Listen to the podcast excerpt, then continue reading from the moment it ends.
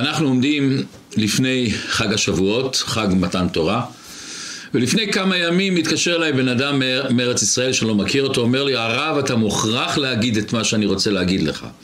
מה? השנה זה שנה מיוחדת מאוד, שנה זה בדיוק 3,333 שנים ממתן תורה. זה פעם באלף שנה.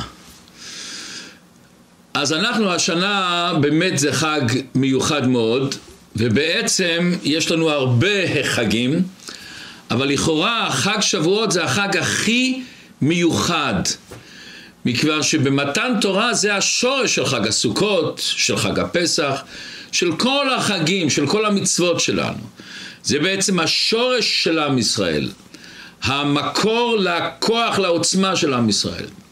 עד כדי כך שאנחנו יודעים את הפסוק הנורא הזה, השמע עם, כל אלוקים מדבר מתוך האש כאשר שמעת אתה, ויחי אומרת התורה. זאת אומרת, אנחנו העם היחידי שכל העם זכה להתגלות אלוקית.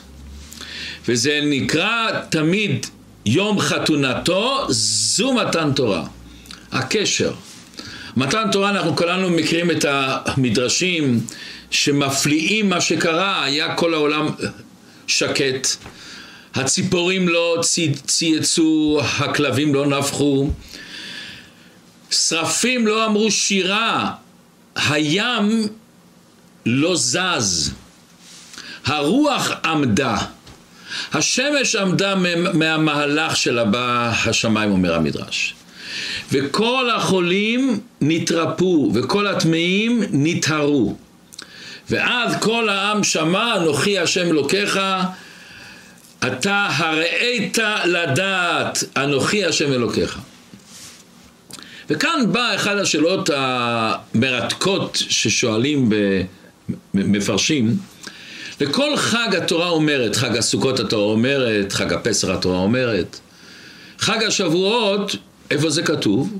כתוב, וספרתם לכם, ואז כתוב, וביום החמישים תעשו עצרת תהיה לכם. לא כתוב מתן תורה. עד כדי כך שיש אפילו בהלכה, בגמרא שאלה, מתי היה בדיוק מתן תורה? איך יכול להיות, למה החג הזה שהוא הבסיס, לא כתוב בפירוש חג השבועות, זה חג מתן תורה, שמחים עם התורה? אנחנו יודעים, פעם אמר לי איזה אחד אה, שהתגייר, הוא אמר לי, באתי פעם לבית כנסת וראיתי רוקדים עם ספרי תורה ואז עלה לי בראש, הוא עורך דין. הוא אומר לי, לא ראיתי אצל, להבדיל, אצל רוקדים עם ספר החוקים של בלגיה, של ארץ ישראל, לא רוקדים עם זה, זה הפוך, לפעמים זה עול וזה לחץ. פה לוקחים את התורה, רוקדים איתה, זה הדליק לי משהו. אז לכאורה, למה התורה, חג השבועות הזה, שחג האלוקי הזה, ההתגלות האלוקית הזאת, שלא היה בשום חג אחר, לא כתוב בתורה חג מתן תורה. יש כאן עוד שאלה של המדרש והגמרא שכולנו מכירים. שאומר המדרש, הגמרא, מסכת שבת, אומרת שמשה רבינו עלה לשמיים לקבל את התורה, באו המלאכים ואמרו לקדוש ברוך הוא לא, תן את זה לנו. איך כתוב? אנחנו קדושים והתורה קדושה. אנחנו חיים, הם חיים לעולם ועד, והתורה החיים תהיה אצלנו. אמר להם הקדוש ברוך הוא, אומר המדרש ב, ב, במדרשים, אמר להם לא, אינה ראויה להתקיים אצלכם, שנאמר לא תימצא בארץ החיים. וכי יש ארץ למעלה, אין למעלה ארץ. אלא מה? היכן מתקיימת? בתחתונים. שנאמר, ואנוכי עשיתי ארץ, ואדם עליה בראתי. ושוב אומר, יש פסוק שהתורה צריכה להיות בארץ. אבל יש המשך של המדרש. רבי יהודה בשם רבי נחמיה אומר, משל למה הדבר דומה? לבן אדם שהיה לו בן שהשם ישמור היה לו חסר אצבע. והוא נתן אותו לאומן ללמד אותו מלאכת האריגה. ואחרי כמה זמן שאבא בא אל המורה הזה שהיה צריך ללמד אותו, אומר לו, נו, איך הוא מתקדם? אז הוא אומר לו, למלאכת האריגה צריכים עשרה אצבעות. אם חסר לו אצבע אני לא יכול ללמד אותו. אומר המדרש, כך אמר הקדוש ברוך הוא למלאכים, אין התורה יכולה להתקיים אצלכם מכיוון שאתם בעלי מומים. וכאן השאלה, מה, מה המום פה? זה שהם נמצאים בשמיים זה מום, זה פגם, לכאורה זה מעלה גדולה, הם קדושים.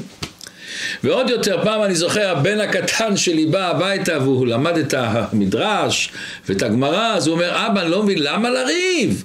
שהשם ייתן גם למלאכים וגם לעם ישראל. מה הריב? יש מספיק מקום לתת את התורה לשניהם, מה הבעיה פה?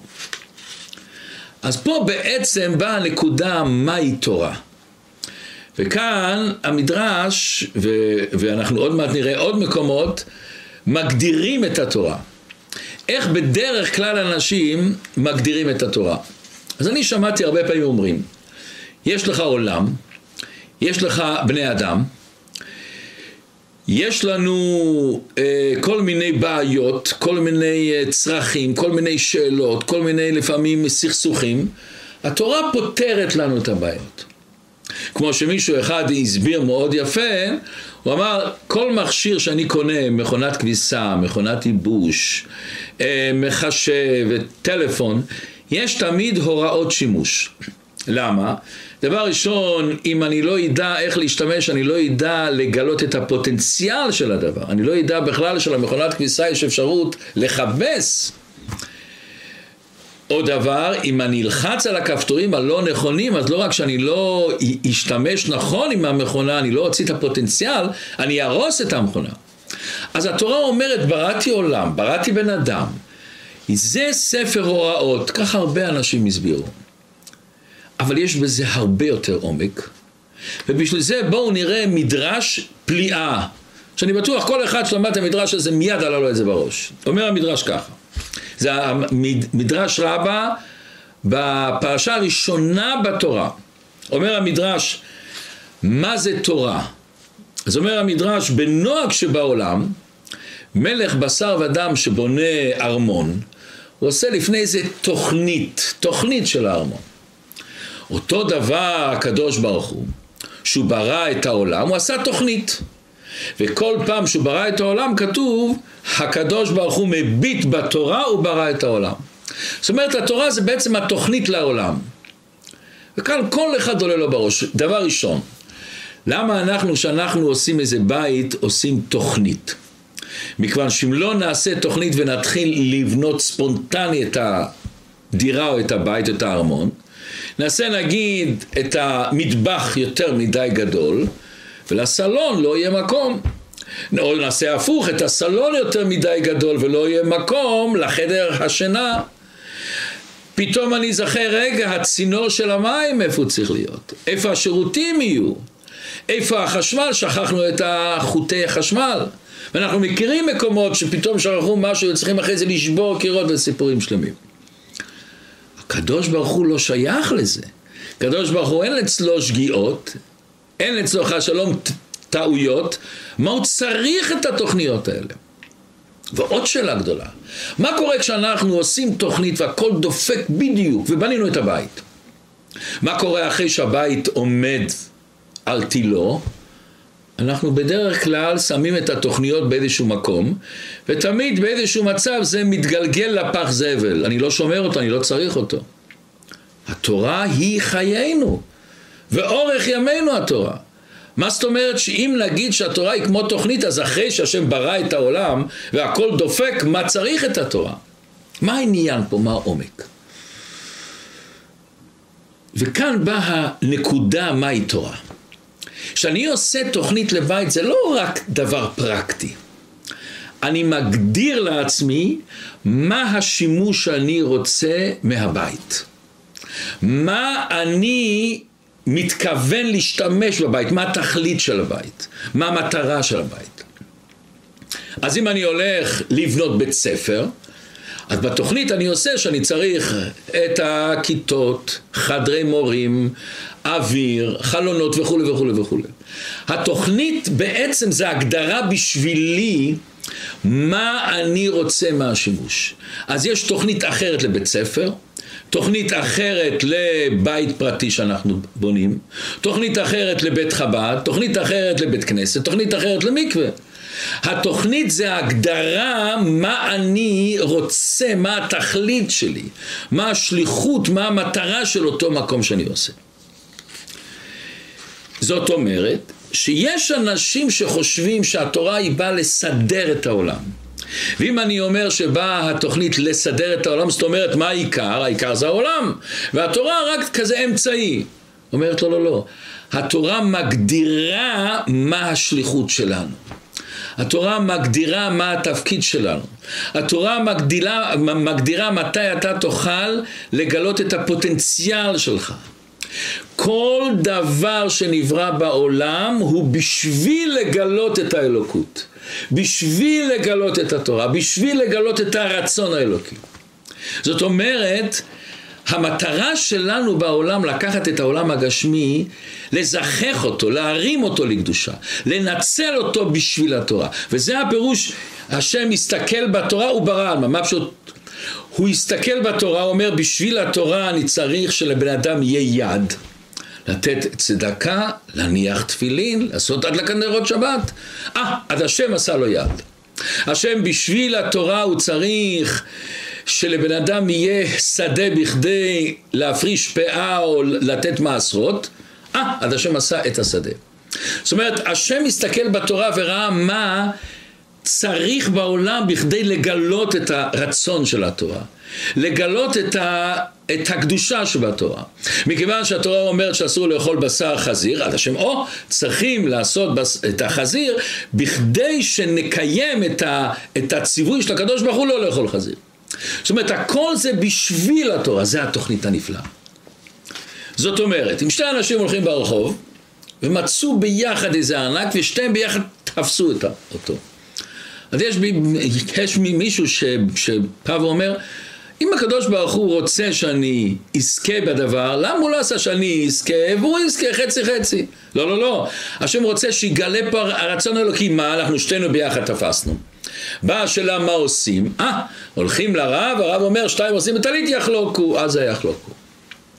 זה בעצם הגילוי של האלוקות. זה סיפור מרגש מאוד. פעם בא אחד לרבה. הוא אומר לרבה, אבא שלו הרביץ לו, אבא שלו התעלל בו, והוא לא יכול לכבד אותו, הוא לא הולך להגיד אחריו קדיש, הוא שונא אותו, הוא רק רוצה להכאיב לו.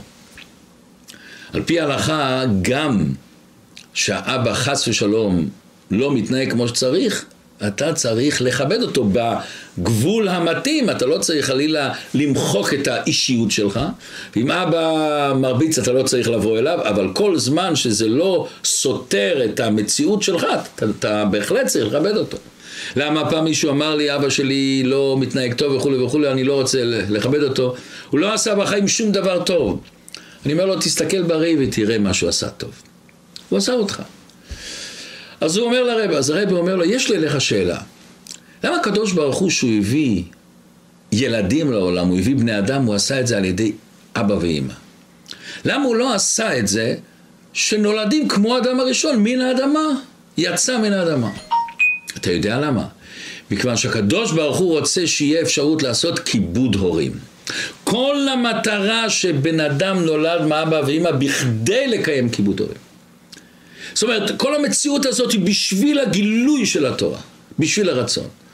אותו והחוצ'יק אמר, אם זה הגילוי של הרצון, ולא מצידי, אני אפילו סובל, אבל זה הרצון האלוקי, אני אעשה את זה. זאת אומרת, כל מה שקורה בעולם, כל מה שקורה לנו, כל הניסיונות, כל האתגרים, כל לפעמים העליות שלנו והנפילות שלנו. יש לנו עלייה למה אני משתמש עם זה. יש לנו נפילה, אני לומד איך להתרומם מזה, איך להזדחך מזה.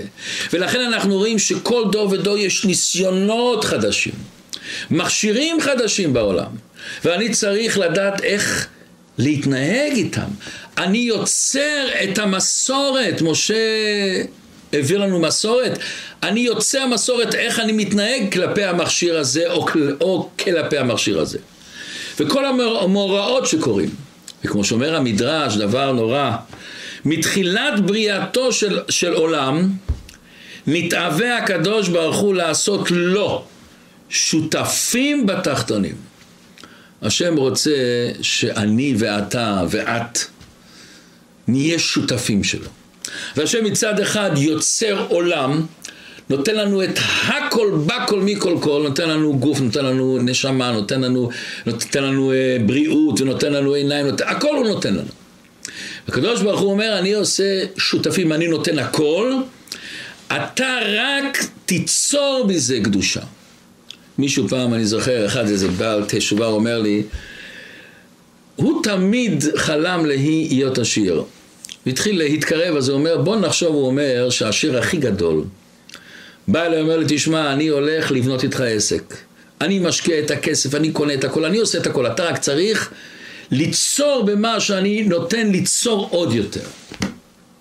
הייתי חוטף את המציע. כאן הקדוש ברוך הוא ברא עולם ואומר, אני רוצה שתהיו שותפים איתי. שתוכלו לקחת זכוכית, לעשות מזה יהלומים, לא סתם יהלומים, יהלומים כחולים. כל דבר שאני לוקח איזה חפץ, אני לוקח את הכוס מים ועושה ברכה, המשכתי קדושה בעולם, שנתתי צדקה, שנתתי חיוך לבן אדם, שעמדתי בניסיון שלי, זה ממשיך קדושה בעולם. זאת אומרת, כל דבר שקורה, ואני שואל למה, צריך לחשוב על למה נמצא בתורה. מה אני יכול לקחת את המצב הזה, את המאורע הזה, את העניין הזה, את האתגר הזה, להמשיך בו קדושה, ליצור ממנו קדושה, לקחת את הזכוכית הזאת, את הדבר הפשוט הזה, וליצור ממנו יהלומים. וזה מה שאומר המדרש, נעשה שותף לקדוש ברוך הוא. מה זאת אומרת, אם בן אדם מפיץ תורה ויהדות, אז אומר המדרש, כאילו אתה שותף עימי בבריאתו של העולם. מה זאת אומרת? השם כבר ברא את העולם. לפני חמשת אלפים שבע מאות וכך שנה, השם ברא את העולם. אז מה, זה שאני עושה מצוות, אני שותף לקדוש ברוך הוא? כן. מכיוון אתה שותף על הרגע הזה, על המצב הזה, על החיים שלך, על העולם שאתה נמצא בו. זה אתה צריך, וזה הכוח הנפלא שיש לבן אדם. יש משל מעניין מאוד. היה פעם איזה המלך, המלך הזה היה מאוד אומן, ידע לצייר ציורים מאוד יפים. ונולד לו בן, שהבן יותר צמח, מה החלום שלו? שהבן שלי גם יהיה אומן, יהיה מלך, אבל יהיה גם אה, אומן. אז הוא לקח צייר מפורסם, נתן אותו, אמר, אני נותן לך אותו לשלוש שנים, תלמד אותו איך לצייר יפה. אחרי כמה זמן בא האומן אל המלך, מתחיל ככה לגמגם, לא יודע מה להגיד, אומר המלך, אני מצטער, ילד שלך ממש לב זהב, מוכשר, הכל טוב, אבל הוא עיוור צבעים, הוא לא יודע צבעים, אני לא יכול ללמד אותו. אתה בטוח? בטוח, הוא אומר, הוא לא יודע, הוא רואה הכל או לבן, או שחור, או אפור, אבל הוא לא רואה צבעים. אוקיי. המלך הלך לעוד צייר, עוד צייר, אף אחד לא ידע. ואז המלך פרסם מי שיבוא וילמד את הבן שלי ציור יקבל הון רב, אוצר שלם. בא איזה יהודי כמובן, חכם, מאיזה כפר קטן, אומר אני אלמד אותו. אוקיי, לימד לימד, אחרי שלושה שבועות בא למלך אומר הוא יודע לצייר. פסס, שלושה שבועות, עיוור, יודע. אז המלך כמובן אסף את כל המשפחה שלו, את כל השרים, את כל... ועמדו בחצר, למלך היה ארמון יפה, חצר גדולה, הוא עמד רחוק מכל הציבור. שמו על כזה כאן, כזה, אה, כזה בד, והיה שם קופסאות של צבעים, והוא אומר אל הבן, תתחיל לצייר. אז הגן מי מסתכל על הבד, מיד לוקח את, ה, את הצבע, האדום, ומתחיל לעשות למלא. ואז הוא מחזיר את זה, לוקח צבע כחול, וגם מתחיל למלא. ואנשים אומרים, הם לא מבינים מה הוא עושה פה בדיוק, אוקיי. ואז הוא לוקח את הצבע הצהוב, הצבע הסגול, כל מיני צבעים, גומר לצייר תמונה מרהיבה. איזה, איזה יופי, והמלך הולך לאותו המורה ומחבק אותו, מנשק אותו, מגיע לך מי יודע מה. אפשר לעשות את זה עוד פעם, בבקשה, בבקשה. עוד פעם, למחרת עוד פעם באים את כל הציבור ושמים את הבד ואת הצבעים והוא מתחיל עוד פעם לקחת את הצבע האדום, למלא, לכתוב את הצבע הסגול, צבע כחול. ציור אחר לגמרי, וואו וואו. משהו נפלא, משהו נפלא. עכשיו, איך באמת הוא עשה את זה? בואו נחשוב, איך, יש למישהו איזה רעיון איך הוא עשה את זה. אז בואו נשמע. פשוט מאוד, אותו הצייר יודע שהוא עיוור צבעים. אז הוא עשה לו בבד הזה פסים שחורים, ועל יד כל כזאת משבצת כזאת, כל כזאת מקום כזה, הוא כתב מספר. ועל כל אחד מהצבעים הוא גם עשה מספר. והמספר היה בצבע שחור, שזה הוא רואה. אז הוא ראה אחד, לקח את האדום, אז מילא את אותו המשבצת, אותו מקום שכתוב היה אחד, עם הקו הזה הוא עשה אדום. ואחרי זה כחול, ואחרי זה סגול, ואחרי זה צהוב. ויצאה תמונה נפלאה. אף אחד לא תפס את זה. כאשר זה היה כתוב בעיפרון חלש, היה רחוק, הם לא ראו את זה. אבל פה בא הברוך הגדול. אחרי כמה זמן אותו הבן מלך הרגיש בטוח בעצמו. אני יכול לסדר את זה. לא הסתכל על המספרים, לא הסתכל על הקווים, לא הסתכל על ההוראות. לקח את הצבעים ועשה, עשה, עשה. ונהיה מכוער, ונהיה צעקות, מה זה, מה זה, מה זה, מה זה. מה הנמשל? אנחנו. השם נותן לנו הוראות. בזמן הזה צריכים לשבת בסוכה, בזמן הזה לשים ציצית, בזמן הזה להדליק נרות שבת. בזמן הזה לעשות ברכה. יש הוראות. וכשאנחנו עושים כל הוראה בפני עצמה, אולי אנחנו לא רואים את הגדלות הנפלאה. האומה אני יודע, הקדוש ברוך הוא יודע. ושכל אחד עושה את ההוראה שלו, את הכלל שלו, ולכל אחד יש את הניסיונות שלו, את המשבצת שלו. כל אחד צריך לשים בתמונה את, הצ... את הצבע שלו. חוץ מהתמונה הפרטית שיש לנו, יש תמונה של כל כלל ישראל, ולכל אחד יש את השליחות שלו בחיים. ושכל אחד שם את טביעת אצבעות שלו, שם את הפאזל שלו, נהיה פאזל מרהיב עין. נפלא ואיום, ואז יתגלה משיח. אבל מה קורה? יש אנשים שפתאום מקבלים ביטחון, ביטחון עצמי לא מוצדק לגמרי. אני אסתדר ככה. אני אסתדר בלי ההוראות של התורה, בלי ההוראות של הקדוש ברוך הוא. אני אמצא לי אתגרים אחרים, שבילים אחרים. ואני אעשה לי תמונות אחרות, ואני לא צריך את הכללים. ואז יוצא קטסטרופה. ואז יוצא תמונה מכוערת, שאולי אנחנו לא רואים את זה היום. לפעמים גם רואים את זה היום בחיים שלנו, אבל לפעמים לא רואים את זה. אבל לעתיד לבוא נראה את זה. אז מה בן אדם צריך לקחת מזה? שהשם נתן לנו את התורה, הוא נתן לנו, מה הוא נתן? הוא נתן לנו את העוצמה, את, ה, את הצ'אנס הזה, את השותפות הנפלאה הזאת, שאתה יכול לעשות מהעולם מקום קדוש. אתה יכול להכניס קדושה, אתה יכול לגלות את הפוטנציאל שלך. אתה תגלה מי אתה, אתה תגלה את העוצמה שלך. וזה היופי שנתפוס את ההזדמנויות שלנו. לפעמים בן אדם עובר על יד הזדמנות נפלאה והוא עובר ולא שם לב. אבל אם בן אדם יודע שכל דבר שנברא בעולם יש לו אפשרות ליצור ממנו משהו חדש, ליצור קדושה חדשה. יש כזה סיפור, אלכסנדר פלימר, הוא המציא את האנטיביוטיקה, את הפדצילין. איך הוא עשה את זה? היה לו מעבדה לפני שנים, ופעם אחת הוא בא למעבדה, פותח את הדלת ורואה, החלון של המעבדה הוא פתוח. אוי ויי, המחשבה הראשונה, גנבים נכנסו. הולך מיד לחלון, מסתכל, הוא לא ראה פריצה. הוא אומר, אולי שכחתי, אבל זה מסוכן, אולי חתול נכנס, מי יודע מה קרה? בודק את המעבדה, הכל בסדר, לא לקחו כלום, בסדר. ואז פתאום הוא מסתכל על הקערה הזכוכית וצועק צעקה גדולה. מה? על הצעקה הוא עשה מחקר על כל מיני חיידקים. ועל אותו צלחת היה פטריה שהוא לא יודע מאיפה היא באה.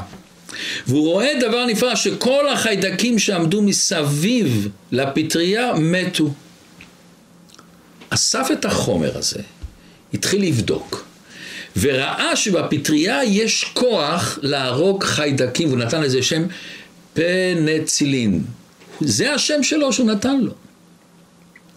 לא היה לו את האפשרויות ליצור את זה. הוא כתב מאמר בעיתונות, ובהתחלה לא התייחסו לזה.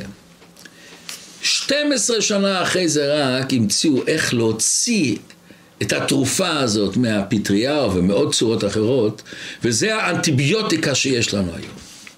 ומי שלקח את זה זה יהודי בשם ארז בוריס, תמיד צריך להיות איזה יהודי בפנים, והוא התחיל אה, לחשוב איך אני מייצר את זה בפועל. מה קרה פה? תארו לכם שאותו בן אדם היה נכנס, רואה את הצלחת עם הפטריה ולא היה שם לב שהחיידקים מתים. אולי אפילו לא, אולי היה רואה אפילו את הפטריה, מאיפה באה הפטריה למעבדה בכלל. תיקח, זרוק את זה לפח. הוא זיהה הזדמנויות. זה רק נמשל אלינו, כל דבר בחיים שלנו, בבית, ביחסים, תמיד אני יכול הזדמנות ליצור דבר חדש. מישהו אמר לי שעכשיו אחרי כל המאורע של ל"ג בעומר, והבן שלו בא ושאל שאלות, כל מיני שאלות, הוא אומר, כמובן הצער נורא ואיום. הדמעות זרמו להם, זרמו הדמעות. אבל הוא אומר, לא היה לי קשר עם הבן שלי. הוא לא בא אליי, הוא לא שאל אותי. לא יודע למה. אולי אני אשם, וכנראה אני אשם. אבל זה שהבן כאן, זה עבר אותו והוא היה צריך לשאול, הוא בא ופתח, זה פתח לנו קשר חדש בינינו. השם ישמור שלא נצטרך חס שלום הזדמנויות כאלה. אבל מה המסר פה? כל פעם אני יכול ליצור דבר חדש. עכשיו נוכל להבין.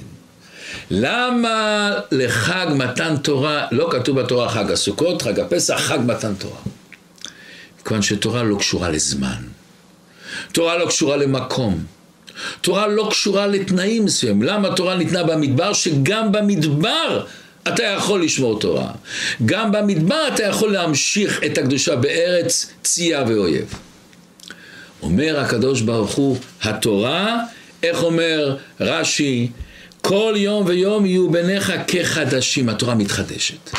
הניסיונות מתחדשים אצלנו, האתגרים מתחדשים אצלנו, כל החיים מתחדשים אצלנו. עכשיו נבין את הוויכוח הגדול שהתחלנו בו. מה היה בין משה והמלאכים? שהשם ייתן לשניהם כמו אותו הילד הקטן ששואל. ומה באמת, מה המום שלהם שאין להם אצבע?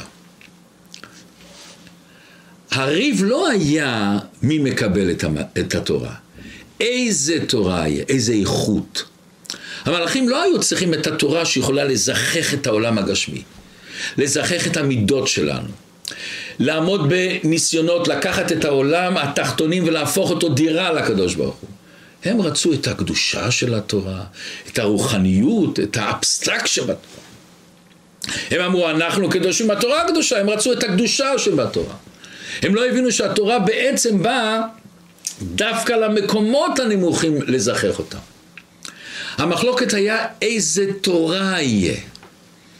אומר הקדוש ברוך הוא, התורה שלי זה בארץ, בעולם הגשמי, בארציות, בחומריות. ולכם אין את זה, לכם אין את זה, אתם לא יכולים לקבל את התורה. יש לכם מום. מה המום? ידיים. אנחנו יודעים למה ידיים דווקא צריכים ליטול ידיים. למה אם רוצים להסיר את הטומאה, למה בידיים? זה איך שכתוב, ידיים עסקניות הן. הן עסוקות כל הזמן בעולם הגשמי. הידיים קשורות לגשמיות. רוב הדברים אנחנו עושים עם הידיים בדברים הגשמיים. את האוכל, את הדברים מסוימים, אנחנו עושים עם ידיים.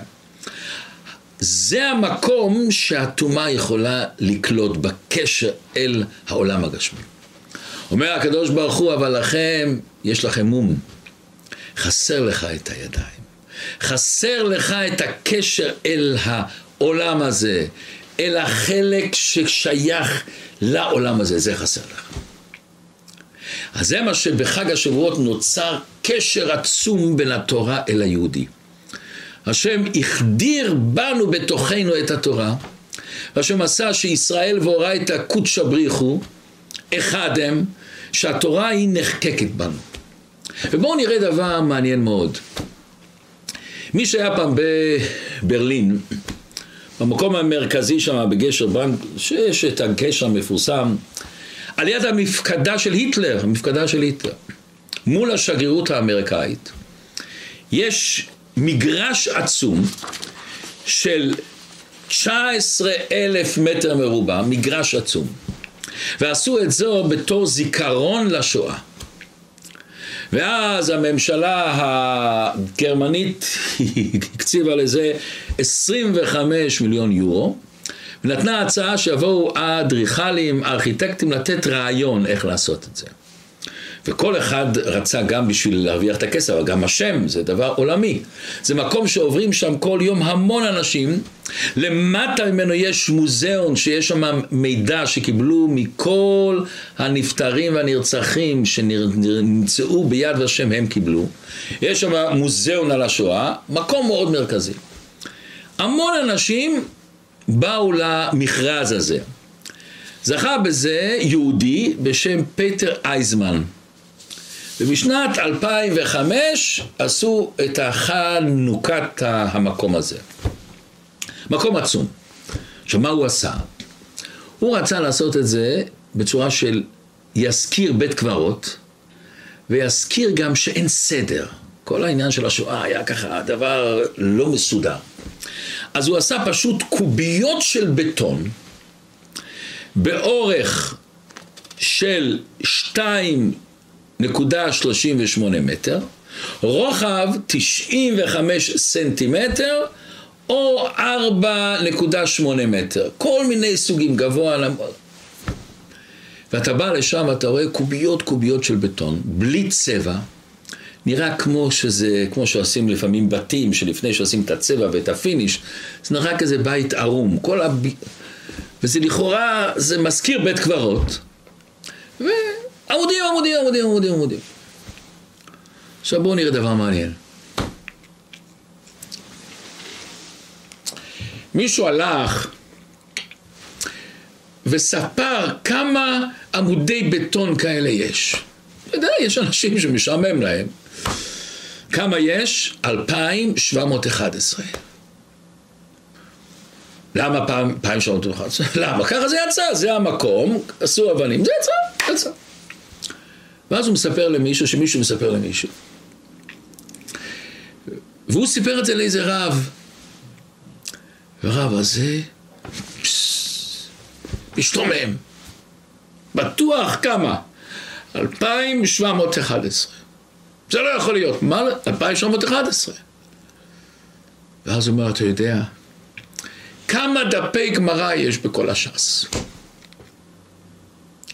לא 2,710, לא 2,712, 2,711.